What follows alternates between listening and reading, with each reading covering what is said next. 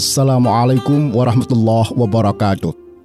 Mitra Muslim, belakangan kita prihatin dan sedih.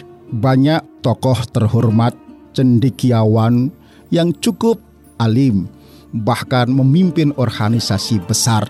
Pemikiran-pemikirannya justru aneh, lucu, dan merasakan umat kebanyakan. Karena pendapatnya yang mati-matian, pasang badan, memihak kemunafikan, memihak penipuan, dan memihak orang-orang yang jelas-jelas menghina Al-Quran dan umat Islam. Fenomena ini sebetulnya sudah diingatkan dalam bentuk kisah berulang-ulang dalam Al-Quran bahwa kekuasaan yang takabur semacam Fir'aun dan kekayaan yang mencengangkan seperti korun pasti akan didukung oleh kealiman dari Balaam dan teknokrasi cendikia dari sosok Haman. Padahal sebetulnya Allah sudah mengingatkan bahwa apa yang ada di indera ini bisa salah dan Allah sudah menyiapkan koreksi yang terstruktur dan berjenjang.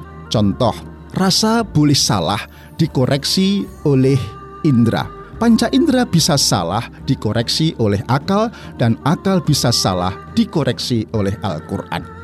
Kesalahan rasa misalnya, dua bola tenis, satu diisi angin, satu diisi besi baja, dijatuhkan dari ketinggian menara. Lebih duluan jatuh yang mana? Rasa mengatakan lebih dulu jatuh yang berisi besi, padahal sebetulnya sama. Kenapa? Kecepatannya hanya dipengaruhi oleh percepatan gravitasi. Karena itu dikoreksi oleh panca indera. Panca indera bisa salah. Contoh, ketika kita berdiri di rel kereta api seolah-olah bertemu di satu titik. Padahal ada ilmu kebenaran aksiomatika yang tidak perlu pembuktian panca indera, yaitu dua garis sejajar ketika ditarik maka tidak akan bertemu di satu titik. Akal membenarkan tipuan-tipuan panca indera. Akal mengoreksi panca indera.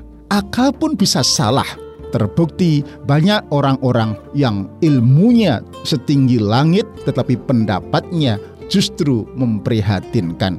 Oleh karena itu, Allah menurunkan Al-Quran sebagai koreksi atas akal, panca indera, dan rasa Dzalikal kitabu la hudal lil muttaqin. Ini kitab tidak ada keraguan di dalamnya, petunjuk bagi orang-orang yang bertakwa.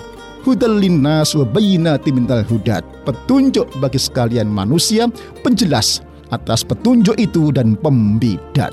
Mudah-mudahan struktur berpikir kita tidak terbalik tetap mendahulukan Al-Quran dan berangkat dari Al-Quran, kita berpendapat dan kita melakukan pemihaan.